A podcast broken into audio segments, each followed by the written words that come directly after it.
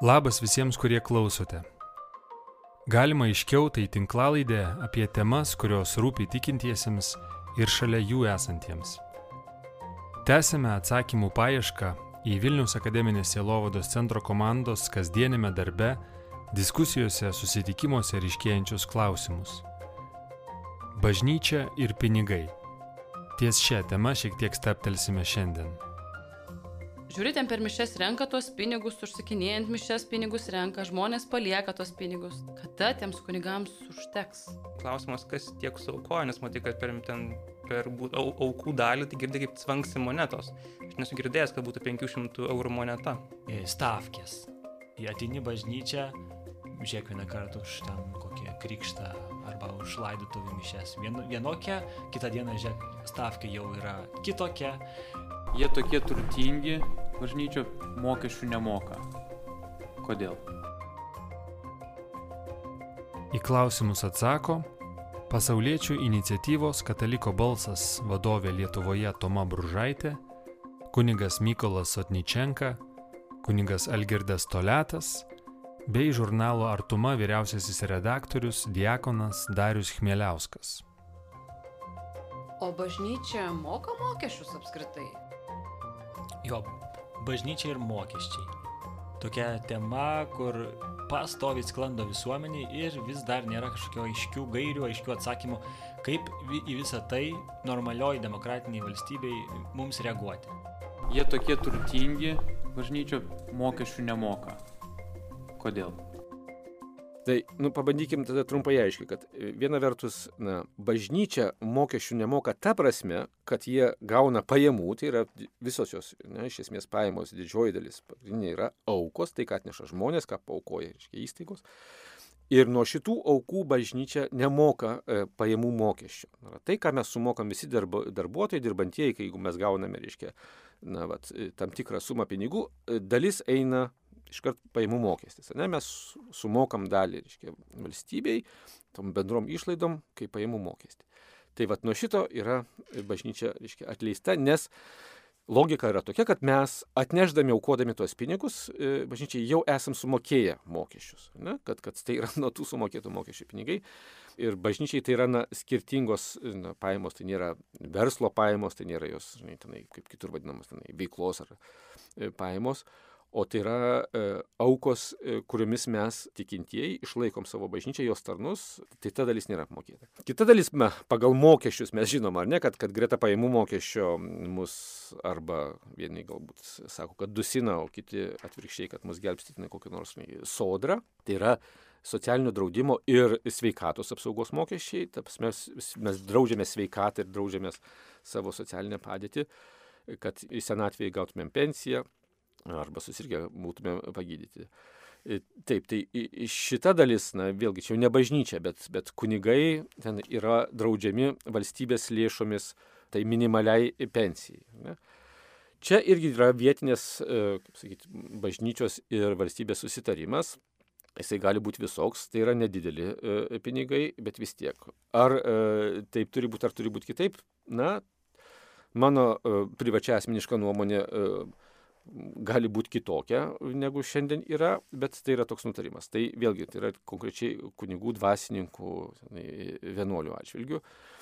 Dabar tos pajamos, kurios bažnyčia, bažnyčios bendruomenė, parapijos ar biskupijos gauna iš veiklos, ne, iš, iš sakykime, tenai nuomos ir taip toliau, na, tai jos paprastai yra jau apmokestinamos kaip ir visos kitos normalios pajamos, tuomet turėtų būti ir kaip iš veiklai skirtų apmokestinimo taisyklių sutvarkoma, nes tai yra jau iš principo skirtingos pajamos, ne, nebe aukos. Ne? Tai va, tai kad mums reikia tos ta, tokios irgi bažnyčiai finansinės, nežinau, reformos, ar kaip ją pavadinti, kad tai būtų visiems aiškiau skraidžiau žinoma. Ir tai sakau, ne naujiena, nes apie tai kalba patys viskupai, nes dabar realiai iš tiesų mes gyvenam tokioj tvarkoj, kuri buvo beveik, e, beveik panaši kaip sovietmečių. Ne, na, ten šiek tiek apsitvarkėm, kad, kad na, va, ten kokį nors socialinį draudimą ar na, tą sveikatos draudimą valstybė kažkiek padengia ir, ir, ir, panašiai. Bet ar tenai dar na, va, kažkokią tai dalį skiria tenai biudžetinių lėšų, kaip, kaip irgi tam tikrą kompensaciją galbūt už, už kitus negražintus bažnyčiai dalykus. Tai čia tikrai reikia tos reformos, reikia, reikia to skaidrumo, reikia to aiškumo be jokios abejonės. Nepriklausomybės pradžioje Lietuvos Respublika ir Šventasis Sostas sudarė keletą tarp valstybinių sutarčių, kur buvo pasakyta, jog Lietuvos Respublika pripažįsta katalikų bažnyčios juridinį statusą ir jog bažnyčios, koplyčios, parapijų namai, seminarijos, vienuoliniai namai, kurie yra naudojami sielovados, švietimo, kultūros, tam tikriems gailestingumo darbų tikslams yra apmokestinami tik tai tam tikrais atskirais atvejais.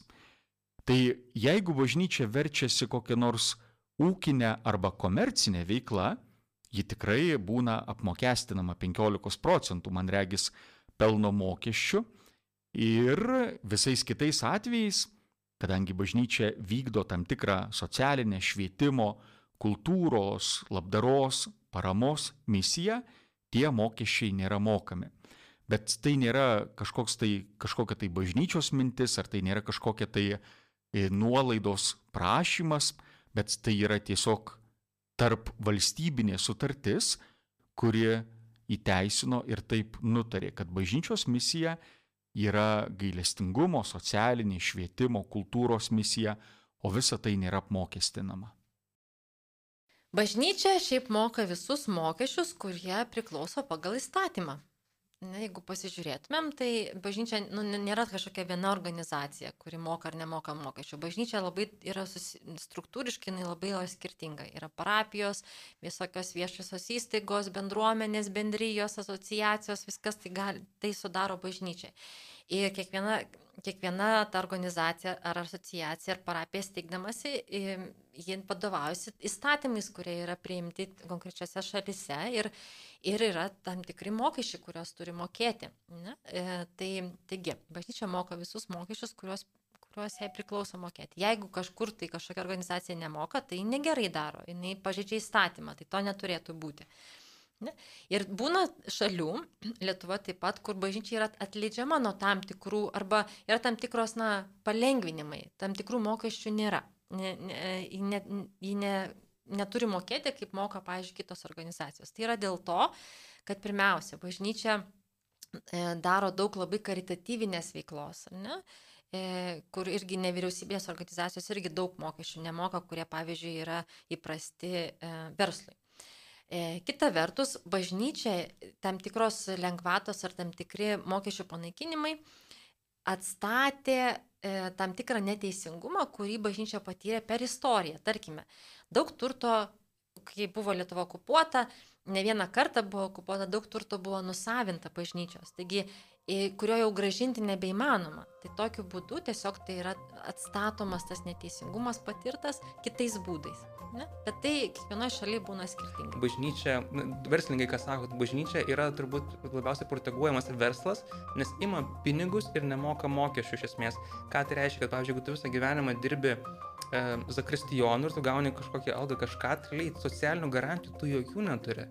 Tu visą gyvenimą galėjai dirbti, bet kadangi tu negauni užmokesčio, tu gauni tiesiog kažkokį, na žinotinais, atlygį kažką, bet kuris neapmokestamas, tu lieki be socialinių garantijų. Tai bažnyčia yra labai prastas darbdavys, kuris sako ačiū už darbą, moka tau labai mažai, o galiausiai, kai tu pasensi, tau reikės pagalbos, tai jos nesulauksi, nes realiai tu pradirbai tam tikrą prasme neoficialiai, nes tas darbas nėra oficialus. Kurie žmonės savo gyvenimą investuoja, ten, tarkim, skauti patys tokie um, vargonininkai, ten zakristijonai, kurie ten sukasi labai labai daug. Tai man taip kyla moralinis klausimas, ar moralu taip elgtis, nes tu atimi žmogaus ateitį ir saugumą. Aš sakyčiau, ne, nemoralu elgtis, e, kai, sakykime, bandant kažkaip, na, sutaupyti ar kažkaip galbūt nenorint ten labai gilintis ir ieškoti galimybių, tu tiesiog, na, tiem žmonėm, kurie patarnauja, e, moki nelegaliai, ar ne, ar tenais, ar kada, kada išeina, kada turi, tada jiem paduodi. O tai yra žmogų vienintelės pajamos, ar ne, tai yra vienintelis pragyvenimo šaltinis. Ir tikrai bažnyčia turėtų šitoje vietoje pasitemti, jeigu kažkur tai vyksta, jeigu nu, žmonės dirba be jokių garantijų, tai turėtų keistis. Tai žinoma, kad nemoralu, jeigu yra taip elgiamasi. Tai vienareikšmiškai, neatsakymas. E, kitas dalykas, matai, kad tie žmonės, kurie dirba bažnyčioje, ne, zakristijonai, vargonininkai, tenai, pročkelės ar valytojas, kaip jie pavadinsi, jie visi gali ir turi būti ir dažnai yra įdarbinami normaliai. Nes bažnyčia, na, parapija yra religinė bendruomenė, tai yra juridinis statusas, apibrieštas Lietuvos Respublikos įstatymus su, su, su jo teisėm ir pareigom ir visa kita. Tai tuomet, kai religinė bendruomenė įdarbina savo darbuotoją, ne, tenai, vat, ar tai būtų zakristijonas ar vargonininkas, ir moka jam vat, normaliai, vadinamai baltą, normalų atlyginimą, ji ir sumoka ir sodrą, sodros mokesčius, tai reiškia, kad jam eina ir pensija, jis sumoka ir, ir, ir sveikatos draudimą, tai reiškia, kad jis yra normaliai apdraustas. Vienintelio dalyko, ko nemoka bažnyčia skirtingai nuo kitokių darbdavių, tai yra pajamų mokesčių. Neatleista e, mokėti pajamų mokestį. Tai jeigu jinai yra, na, va, sakykime, sąžiningai basielginti bažnyčia, tai yra konkreti parapija, ne, ar tai biskupija, ar tai bažnyčia kokia organizacija, ji taip ir elgesi. Jeigu jį taip nesielgia, tai tuomet jau e, mūsų, kaip, kaip, kaip, kaip žmonių, ar tų darbuotojų, galbūt tiem patiems darbuotojams, zakristijonams, vargonininkams sunkiau galbūt ten už save pastovėti, bet reikėtų, kad ir jie pradėtų pastovėti už save. O jeigu jiems sunku, tai galbūt mes galim kaip bendruomenės, kaip šeimos nariai jiems padėti ir sakyti, palauk, ne? vis tiek bendruomenė tai esame mes visi, taip, klebonas yra viršininkas, jis čia turi, kaip sakoma, parošo teisę ir, ir, ir valdo sąskaitą, bet mes esame visi kartu. Ir mums atrodo, nu, negerai, jeigu Zakristijonas tenai e, dirba daugybę metų ir yra neįdarbintas ir nemokama tenai, už jį sodrą ir, ir ligonių kasos negauna irgi vat, to sveikatos draudimo. Ir čia tuomet yra mūsų atsakomybė jau kaip, kaip pasauliečių, kaip bendruomenės narių, kaip šeimos narių sakyti, žiūrėk, e, nu, va, čia yra negerai. Tai yra e, mūsų dalis. Taip, kad taip atsitaiko, kad tai būna, yra labai blogai. Taip, kad, kad mes dar irgi nemokam pakankamai vertinti žmonių bažnyčioj, Deja, dažnai taip atsitinka. Bet čia, kaip sakyti, bažnyčia, kalbėkime apie iš mažosios raidės, ne? nes visuotinė bažnyčia, motina bažnyčia, savo, ypač per paskutinį vat, šimtmetį, per socialinį mokymą, ji labai aiškiai akcentuoja ir iškėlė, kad žmogaus orumas yra toks svarbus, kad mes, nu, tai yra absoliuti taisyklė, kad, kad jis turi būti gerbiamas, jam turi būti sumokėta, jam turi būti atlyginta. Tai yra vienas pamatinių klausimų ir ką tuomet bažnyčia kelia ir visam pasauliu, ir, ne, ir su socialiniais klausimais nuo, nuo, nuo pat XIX amžiaus pabaigos, palaikydama e, žmonių orumą ir reikalaudama jiems orių darbo sąlygų ir atlygio sąlygų. Tuomet jį kelia balsą ir visam pasauliu. Ir žinoma, kad ji turi pradėti pirmiausiai nuo savęs, ne, žiūrėti, ar ji tikrai pati susitvarko. Tai čia jau, kaip sakoma, hygiena. Ne. Tai va, tai jeigu mes matom, kad yra kažkas negerai, mes taip pat turime ir reaguoti ir, ir, paklausti, kokia mūsų atsakomybė tame. Kaip mes galim padėti gydyti kokias tai žaizdas. Negalim pasakyti, kad čia kažkokia bažnyčia, kažkokie viskupai, kažkokie klebonai. Mes esame visi bažnyčios nariai ir mes turime taip pat prisimti savo dalį atsakomybės už tai. O bažnyčia dažnai skelbia neturtą, išaukština visokią dvasę, dvasingumą, nori būti irgi aukštų moralės normų. Bet, va, pavyzdžiui, kai jiems reikia ko nors ten pasistatyti kažką arba įsikurti kažkur, tai va labai daug dėmesio skiria visokiem pragmatiškiam ir būtiniam reikalam ir dar baisiai kovoja, jeigu negauna tiek, kiek nori, to, ko nori, taip, kaip nori. Tavarsme, tai jie labiau už dvasę, ar jie labiau už tokią naudą ir tik prisidengia tą dvasę ir ten neturtų ir panašiai. Bažnyčios pagrindinė misija yra evangelizuoti ir būti tam tikra vargšų šalpos priemonė. Tai iš tiesų kiekvieną kartą, kai bažnyčia nori kažką tai pasistatyti, įsikurti kažkur tai, tai natūralu, kad reikia tikrai skirti daug dėmesio ir daug laiko ir pragmatiškiams, ir būtiniams reikalams, ir tikrai reikia kovoti dėl to, kad gautum. Tai pirminis bažnyčios tikslas yra tikrai dvasia Ir pirminis bažnyčios tikslas yra skelbti gerąją naujieną, skelbti tikėjimą ir kartu daryti gailestingumo darbus. Tai žinoma, kad skelbti tikėjimą ir daryti gailestingumo darbus tam reikalingos labai įvairios priemonės. Tam yra reikalinga tam tikra net ir ūkinė veikla. Tai štai todėl bažnyčia ir kartais kovoja tam, kad galėtų įsitvirtinti. Tai štai, kai mes girdime ir apie tokius, pavyzdžiui, vienuolių įžadus, kur vienas iš vienuolių įžadų yra neturto įžadas, kuris kaip tik vat nuskambėjo dabar klausime, tai neturtas tai nereiškia, kad dabar turėtume išdalinti visus bažnyčios turtus, išparduoti, išdalinti visą auksą, nugramdyti visas bažnyčios puošmenas, visą Vatikano turtą išdalinti ir štai, kad bažnyčia būtų tokia basakoji. Ne, bažnyčia veikia ir bažnyčios veiklai reikalingos yra ir tam tikros pajamos, ir tam tikras turtas, net ir kartais tam tikra ūkinė veikla. Todėl pirminis tikslas yra skelbti dvasę. O kokiu būdu tai daryti, tai reikia ir įsitvirtinant, tai reikia ir gaunant tam tikrą naudą, tam tikrą pelną. Man atrodo, šitas klausimas paliečia labai gilę bažnyčios esmę, kadangi pirminė bažnyčios misija yra būti ta, kuris kelbia gerąją naujieną, arba mes bažnyčioje turime tokį techninį terminą evangelizuoja. Tai yra skelbia Evangeliją kitiems žmonėms. Ir kunigai tikrai turėtų būti pirmiausia tie, kurie skelbia dvasingumą, kurie gyvena neturto dvasia ir kurių pirminis tikslas yra būti tikėjimo šaukliais.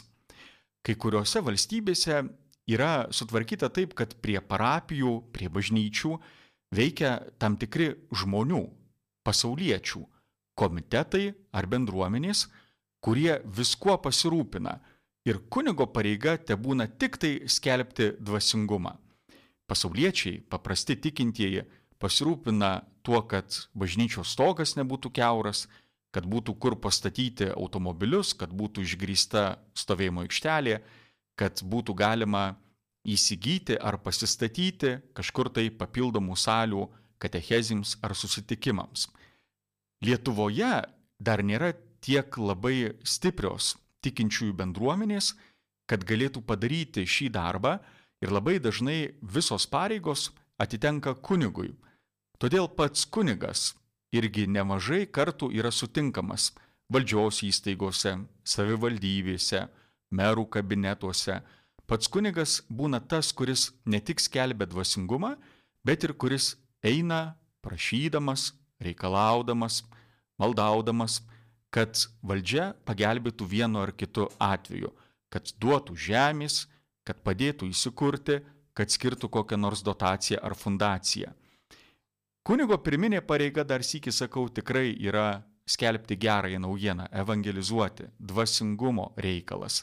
Bet vien dėl to, kad nėra kitų žmonių, kurie imtųsi šios atsakomybės, dėja, bet kunigui tenka ir ūkininko, arba vadybininko, arba statybininko, arba verslininko vaidmuo. Na, čia klausimas, kai bažnyčia ske, kovoja ar kažko reikalauja, tai kas tai yra? Kam jinai to reikalauja bažnyčia, ne? Tai jeigu parapija nutarė, kad nori pasistatyti E, naują bažnyčią ir parapijos namus, tai nėra kažkokiam vienam konkrečiam žmogui, tai yra visai bendruomeniai, tai yra vieta, kurie gali rinktis kažką veikti, tai yra jų visų geroviai. Tai toji nauda, kurią bažnyčia nu, taip, gauna, e, kai kažko prašo, jinai yra skirta žmonėms, kurie ateina į bažnyčią, tai mums. Ne? Tai manyčiau, čia reikėtų vėl į, konkrečiu atveju įsigilinti, kas iš tiesų vyksta, ne? kas iš tiesų vyksta, kai kunigas prašo aukoti, kas iš tiesų vyksta, kai, kai parapijos, sakykime, aktyvūs žmonės parapijoje reikalauja, kad na, vienas ar kitas ant žemės lopinėlis priklausytų bažnyčiai. Ar čia kunigas nori pasipelnyti, ar iš tiesų parapija nori kažkaip bendrą gyvenimą kurti. Na, kas iš tikrųjų yra labai gerai, jeigu bažnyčia, bendruomenė nori kažką daryti kartu. Ir tos bažnyčios bendruomenės, kuri kažką daro savo ten parapijos teritorijoje, vadovas yra kunigas, ar ne tas klebonas.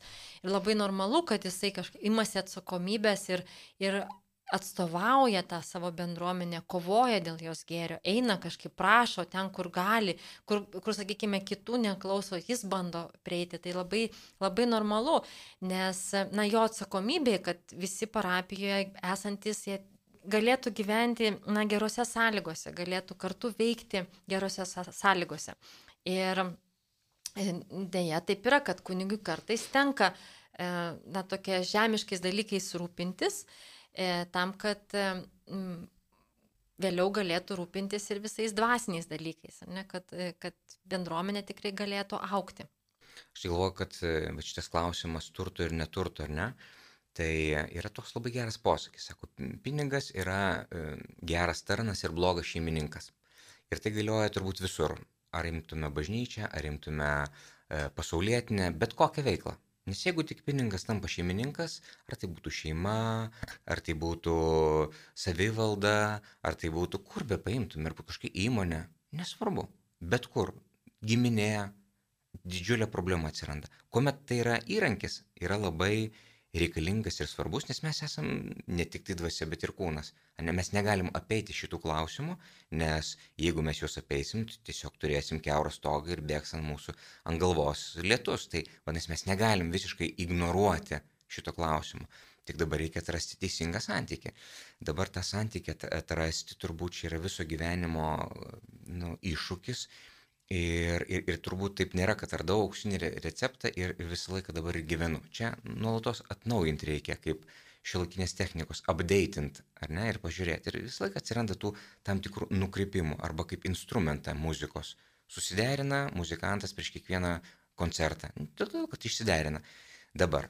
E, labai dažnai taip atsitinka, kad žmogus e, dirbdamas su turtiniais dalykais, na, jis užsižaidžia ir pasineria tame ir, ir, ir pereina neteisingą santykį.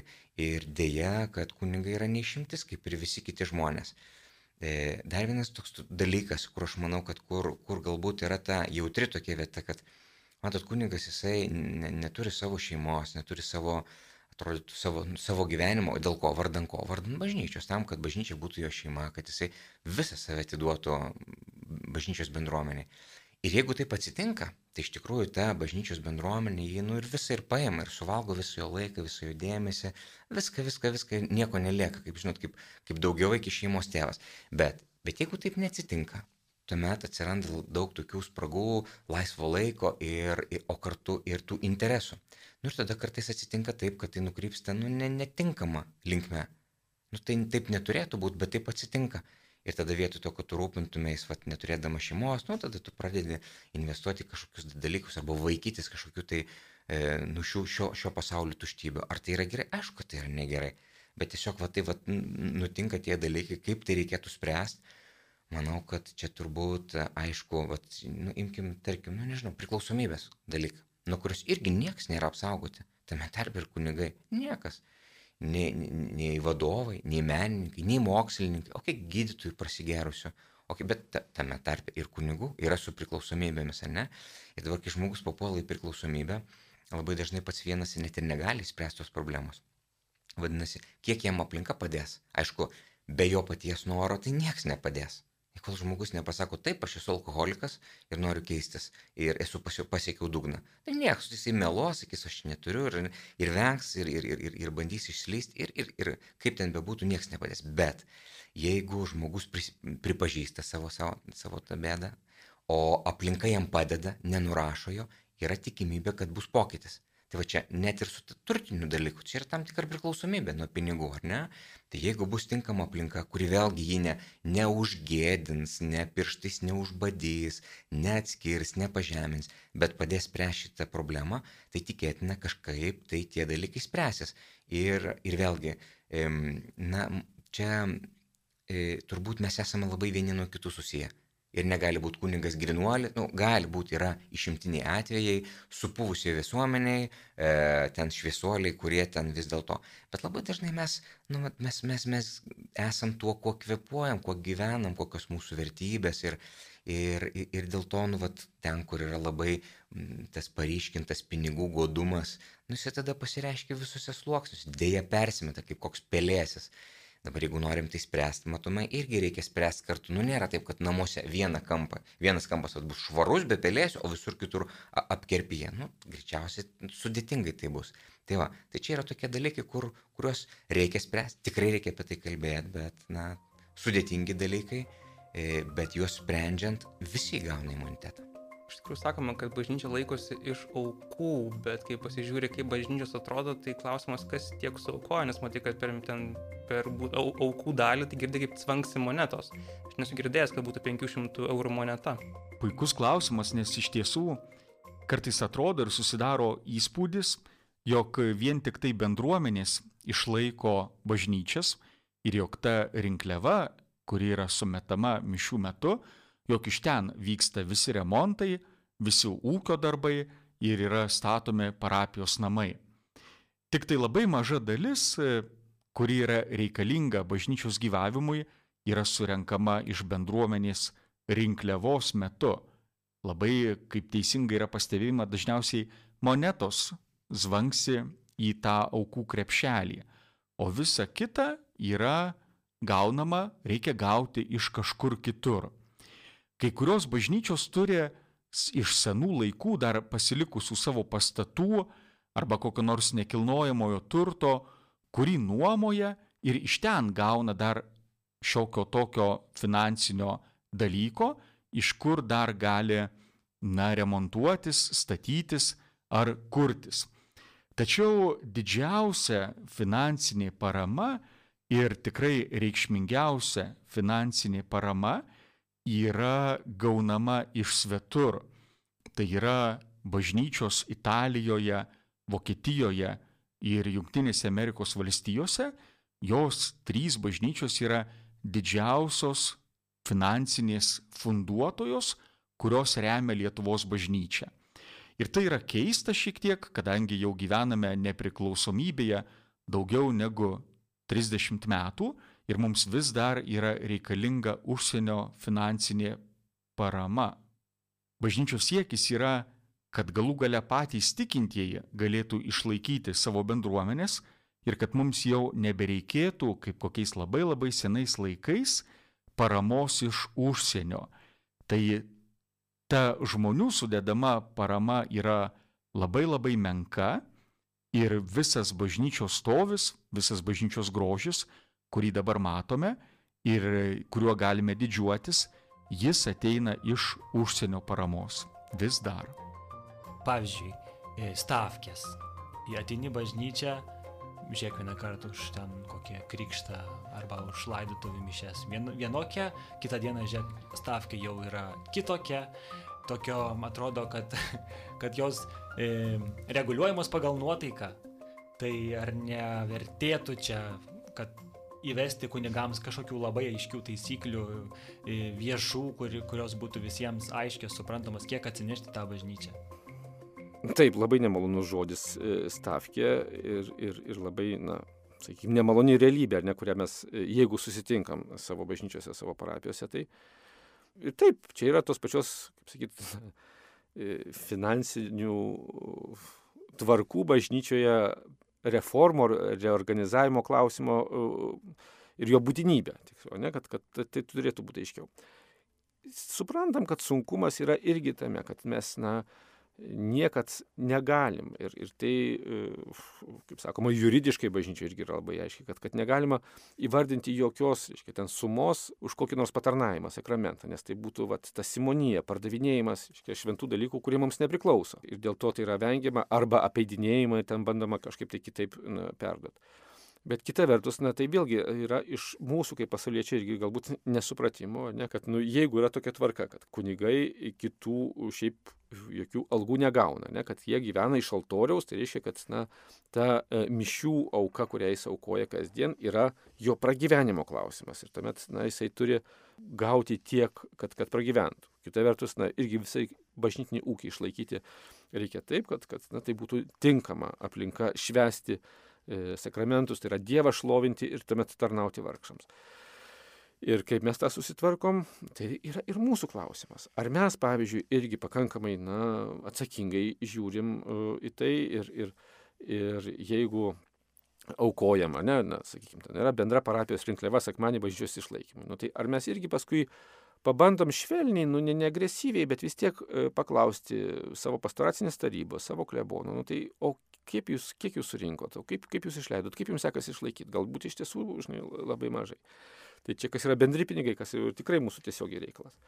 Kas yra ten tie aukojimų už sakramentus, nu, tai, tai vėlgi mes aukodami e, bažnyčioje taip pat nu, galim na, pasiteirauti, reiškia, ar ne, tai vat, ar už, už tą santoką, jeigu paliekam, ar ne, tai Ar tai čia yra visi pinigai kunigui, ar tai yra visi pinigai bažnyčiai, ar čia kažkokiu tai būdu pasidalinama, e, tai kiek tai maždaug, kad nereikia sumokėti, nežinau, už gėlės pošimą zakristijonui, vargonininkui ar taip toliau, ir kas lieka. Tai e, mes, na, kita vertus irgi galim pagalvoti, na, tai jeigu mums yra kažkokia didžiulė šventė, ne, ir mes, na, na, nežinau, gėlėms ar alkoholiui skiriam, tenai, žinai, e, tūkstančius ir, ir, ir galbūt, na, kažkokią tai panašią dalį galėtumėm skirti, na, ne kunigui, ar ne, bet, bet bažnyčiai, kad e, mes taip pat dalinamės tą, tą savo šventę, savo džiaugsmu ir, ir, ir, ir paukojam tą progą ir bažnyčiai. Nes na, tai yra svarbi vieta, kur ne tik mūsų apėgos vyksta, bet, bet kur mes sugrįšim ir vaikus krikštyti, ir, ir, ir laidotis, ir, ir, ir melstis. Ir, na, tai čia ir mūsų samoningumo. Tai, kad yra tas neiškumas, yra vėlgi ta pati abipusė problema kad mes nepareikalaujam iš, iš, iš bažnyčios atsakingųjų, kad būtų tas aiškumas. Ir mes nedalyvaujame tame pakankamai atsakingai, kad, kad prisidėtumėm prie, prie jo įvedimo. Tai prisimkim ir, ir savo atsakomybę, kad turim čia kažką tai ir patys nuveikti. Atsimenu, prieš kokių dešimt metų, kol dar buvo litai, tikrai buvo įvestos tam tikros rekomendacinės normos, kiek žmogus turėtų paukoti už krikštą, už santoką, už mišes, už laidotuvės ar už kažkokius kitus patarnavimus. Tai buvo padaryta Lietuvoje tam, kad žmogui būtų šiek tiek lengviau orientuotis. Tam tikros stavkės, kurios beje nebuvo privalomos, jos buvo tik tai tokios orientacinės. Joks kunigas negali prašyti konkrečios sumos ir joks kunigas tikrai negali įvardinti konkrečios stavkės. Tikintysis duoda auką, o kunigas ją tiesiog priima. Kartais tikrai tikintieji klausia, o kiek dabar turėčiau paukoti už savo santoką, arba už krikštynas, arba už kažkokios bažnyčios nuomą. Tai tie tos sumos, kurios kartais kunigų būna ištariamos, jos būna tikrai sudėliojamos iš įvairių situacijų. Štai pavyzdžiui, reikia bažnyčią išplauti, reikia bažnyčią papuošti, reikia naudoti elektrą, reikia po visko sutvarkyti, tikrai reikia ir žvakių, reikia ir vargonų gaudesio, reikia ir žmogaus, kuris patarnautų, visa tai yra sudedama tarsi į vieną sumą ir kunigas galbūt ir galėtų pasakyti tam tikrą orientacinę sumą, kad štai savikaina galėtų būti tokia ir tokia, ar norėtumai. Tačiau jeigu žmogus duoda daugiau arba duoda mažiau, tikrai kunigas priima ir nėra kažkokiu tokių dabar nustatytų stavkių, kad turi būti vienaip arba kitaip. Kiek duosi, tiek kunigas tikrai ir priims. O kiek kunigui dera turėti pinigų? Žiūri, ten per mišes renka tos pinigus, užsakinėjant mišes pinigus renka, žmonės palieka tos pinigus. Kada tiems kunigams užteks? Pinigai, kurie atitenka bažnyčiai ir kurie yra renkami per mišes, jie visi pinigai atitenka bendruomeniai. Ne kunigui, bet bendruomeniai. Ir todėl labai svarbu atskirti pinigus, kurie sukrenta į aukų krepšelius kiekvienų mišių arba pamaldų metu. Bendruomenė, ji pati apsprendžia, kam tie pinigai bus skiriami. Tai ar tai bus skiriami pinigai remontams, ar įsigyti kažkokiems tai dalykams. Kai kurios bendruomenės sugalvoja, kad reikėtų įsigyti autobusuką, kuriuo būtų galima vykti į keliones.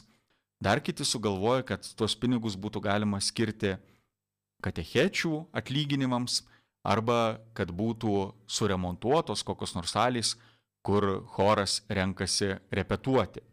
Tai pinigai, visi pinigai atitenka bendruomeniai. Tai, kas atitenka kunigui, atitenka pinigai, kurie yra skiriami už tam tikrus patarnavimus - už mišes, už santokas, už krikštus, už laidotuvės. Tam tikra pinigų dalis yra skiriama kunigui, o visa kita dalis yra perduodama vyskupui, tam, kad vyskupas galėtų pasidalinti tom aukom su mažiau turtingomis parapijomis. Turbūt esame atkreipę dėmesį, kad kai kurios bažnyčios, ypač didžiuosiuose miestuose, yra labai populiarios ir ten vyksta daug santokų, daug krikštų ir ten nuolat atrodo didelė yra finansinė apyvarta. Iš tiesų nėra taip, kad tų parapijų kunigai ir lopsta, o kitų parapijų, mažesnių parapijų, kaimelių parapijų kunigai skursta. Dalį pinigų didžiųjų parapijų kunigai ar populiariųjų parapijų kunigai pasiima savo, tačiau visą didžiąją arba liūto dalį atiduoda vyskupui, kuris tą populiariųjų kunigų uždirbtų pinigų dalį skiria mažųjų, nepopuliariųjų ar kaimiškųjų vietovių parapijų kunigams išsilaikyti. Tai tokie tie yra dviejopi pinigai. Tai, kas įkrenta į krepšelį, skirta bendruomeniai ir pati bendruomenė nusprendžia, kam tuos pinigus skirti. Tai, kas atitenka santokų, krikštų ar mišių metu, atitenka dalis kunigui, o kita dalis yra siunčiama į skurdžiasis parapijas. Jau nuo pat pirmųjų amžių bendruomenės nariai patys jautė poreikį, kad štai norėtume pasidalinti kai kuo, ką turime geriausia. Ir pirmųjų amžių krikščionys vienas atneždavo grūdų, kitas atneždavo aliejaus, trečias atneždavo maisto, na visa tai, kas būdavo reikalinga visos bendruomenės reikmėms, pasidalindavo. Ilgainiui tapo patogiau susimesti, atnešti pinigų. Todėl tai kyla iš pirmųjų amžių ir tai nėra kažkoks tai priverstinis dalykas, bet to aukojimo mintis yra trokštų pasidalinti tuo, ką turiu daugiausia ir ką turiu geriausia su kitais. Kartais gali kilti klausimas, kaip bendruomenė nusprendžia, kam skirti pinigus. Kiekviena parapija arba kiekviena bendruomenė turi natūralu savo atstovus. Visi žmonės negali sueiti ir kokie 15 tūkstančių balsuoti, kam skirsime šitą pinigų dalį, o kam šitą. Tam tikri atstovai, kurių turi būti ne mažiau negu kokių 20 parapijoje, Jie apsprendžia, jie pasiūlo ir jie teikia parapijos klebonui savo siūlymus ir savo sprendimą, kam turėtų būti vieni ar kiti pinigai paskirti. Tai yra vadinamoji ekonominė parapijos taryba, kuri yra atsakinga už ekonominius parapijos reikalus. Žinoma, šalia ekonominių parapijos reikalų yra ir parapijos veiklos reikalai. Turbūt atkreipėte dėmesį, kad viena parapija labiau orientuojasi į jaunimą, kita į studentų silovadą, trečia parapija labiausiai domisi piligriminėmis kelionėmis. Yra vadinamoji pastoracinė parapijos taryba, tai yra žmonės, kurie duoda klebonui tam tikras veiklos gairias, kur link turėtų judėti jų bendruomenė ir jų parapija. Aš tai manau, kad visi turtai Vatikano tai turėtų būti išdalinti šiaip jau. Aš galiu įtarti, kad jie ten sakytų, kad čia yra paveldas ir kad reikia tai išsaugoti ir kažkaip, kad tai yra svarbu turėti. Bet man tai atrodo, kad jeigu, pavyzdžiui, jie visą tai išparduotų ir išdalintų ir paskui surinktas lėšas atiduotų ten vargšams ir skurstantiems, tai būtų daug geriau. Nu, čia variantas be abejo yra toksai, galėtų būti, bet tarkim, o jeigu, pavyzdžiui, imtume truputėlį, pasuktume kitaip, vat, įsivaizduokit dabar visą biudžetą, imam ir išdalinam vargšam. Nu, va tiesiog, vat, imam, va tai, ką Lietuvos biudžetas, surinkam ir išdalinam visiems vienodai. Nu, tiesiog, vat, padalinam visiems po lygiai. O toliau jūs, Hebra, tvarkykitės, kaip norit. Nu, patys kelius tvarkykitės, patys į šiukšlės veškitės, patys užsimkite infrastruktūrą, judėjimas ir taip toliau ir panašiai, patys elektrą ir taip toliau. Nu ir kas gautųsi? Greičiausiai, manau, kad, nu, iš principo, juk čia tie patys pinigai. Tai žmonės galėtų eiti į bendryjas ir taip toliau panašiai, bendrai susimesti ir padaryti viską gražiai. Nu, bet aš mažai tikėtina, kad tai pavyktų pasiekti gerą, bet žiūrėkit, mesgi išvengtume viešųjų pirkimų, kiek išvengtume valstybės pinigų švaistimo, neskaitant to, kad išvengtume visų šitų dalykų, greičiausiai nueitume visiškai į nulį, dalis žmonių pragertų tos pinigus, dalis dar kažką, kiti dar ir, ir greičiausiai mes tiesiog nuvarytume valstybę nuo kojų. Nesugebėtume suvaldyti visų tų lėšų. Ar ne, tai va tiesiog lėšų valdymas, planavimas ir darimas. Ir aš matau, kad Vatikanas yra lygiai taip pat, tai yra tam tikras administracinis organas, kurio tikslas yra padėti, padėti ten, kur skauda ir, ir, ir turėti kažkokį tai raumenį, ne, ir skurstančiom bažnyčiom ten, kur iš tikrųjų vyksta visoks genocidas, žmonių persikėjimas, ten dar nelaimės. Ir, ir, ir, ir Vatikanas tą ir daro. Galbūt mes nematom, nes mes iš tikrųjų gerai gyvenam Lietuvoje. Čia taip atrodo, kad kiek yra šalių, kiek yra šalių kur elektros neturi, vandens neturi, elementariausių dalykų, hygienos ir iš viso. Ir mes net nematom visų tų dalykų, ar ne?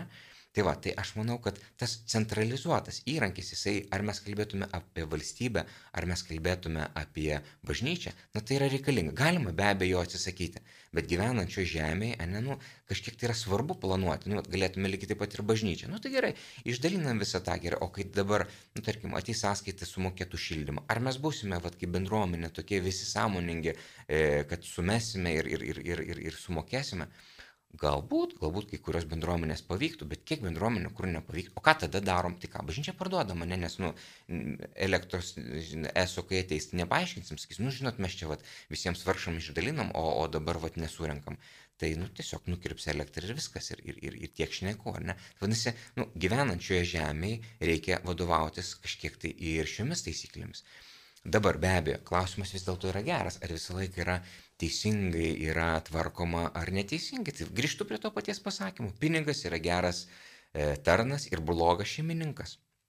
Kuomet yra nukrypstama į tai, kaip pradedama tarnauti pinigui, o čia tas pavojus lypi, kur mes bebūtume, ar bažnyčiui, ar šeimoje, ar valstybėje, ar, ar kažkokio tai įmonėje, kuri, pavyzdžiui, nustekena savo darbuotojus, visiškai išnaudoja, o, o, o vadovai, tarkim, sus, ar, ar, ar savininkai pasiema akcininkai visus pinigus. Nu, tai čia yra iškrypę, tai taip tai, tai negali būti, tai pinigai turi tarnauti žmogui, o net virkščiai. Vis dėlto tos blogybės pasitaiko tokios ir jas reikia keisti. Ir kaip mes jas keisim, vėlgi, tai yra visuomenės samoningumas. Kuo bus daugiau sąmoningų žmonių, aišku, gal net tiek tų, kurie reikia nuo, nuo, nuo, nuo stogų, kad va, darykit, bet bet tų, kurie savo pavyzdžių ir savo, savo na, dėmesiu, ne, ir tai greitai nepasidarys. Jūs suprantate, kad čia greitai, nes vienas sakys, o mes taip darom, o mes taip turim lėsti, o čia, žinai, taip, o čia biudžetas, o tai aš kaip noriu, taip darau. Tai pažiūrėkite, paimkim kaimynai, turi savo bendrą kiemą ir kai reikia kažką pasidalinti. Dieve, kokio pjautinės būna dėl kokio ten e, centimetro, ten dėl dar kažko, dėl krumelio, žmonės nesusikaba, nesikalba metų metus. Tai nu, čia yra kur veikti, ką veikti yra, yra darbas. Tai va, tai aš manau, kad jeigu mes vat, investuotume į visą šitai, tai manau, kad pasikeistų ir visur kitur mentalitetas ir tiesiog nebeliktų vietos korupcijai, jeigu mes patys būtume pakankamai sąmoningi. Tai vat čia, man atrodo, yra svarbiausia keistina vieta. Jeigu mes dabar, aišku, galim pasakyti, o pakeiskime Vatikaną. Ne, mes patys pasikeiskim ir savo aplinką. Ir aš manau, kad tada keisis viskas. Ir, ir Lietuva keisis, ir Vatikanas keisis, jeigu mes patys keisimės. Tinklalaidėje girdėjote kataliko balsas vadovę Tomą Bružaitę, diakoną Darių Chmieliauską bei kunigus Mykolą Sotničenką ir Algirdą Toletą. Klausimus perdavė Vilniaus akademinės Jelovados centro komanda. Mano vardas Rimas Macevičius. Sudie.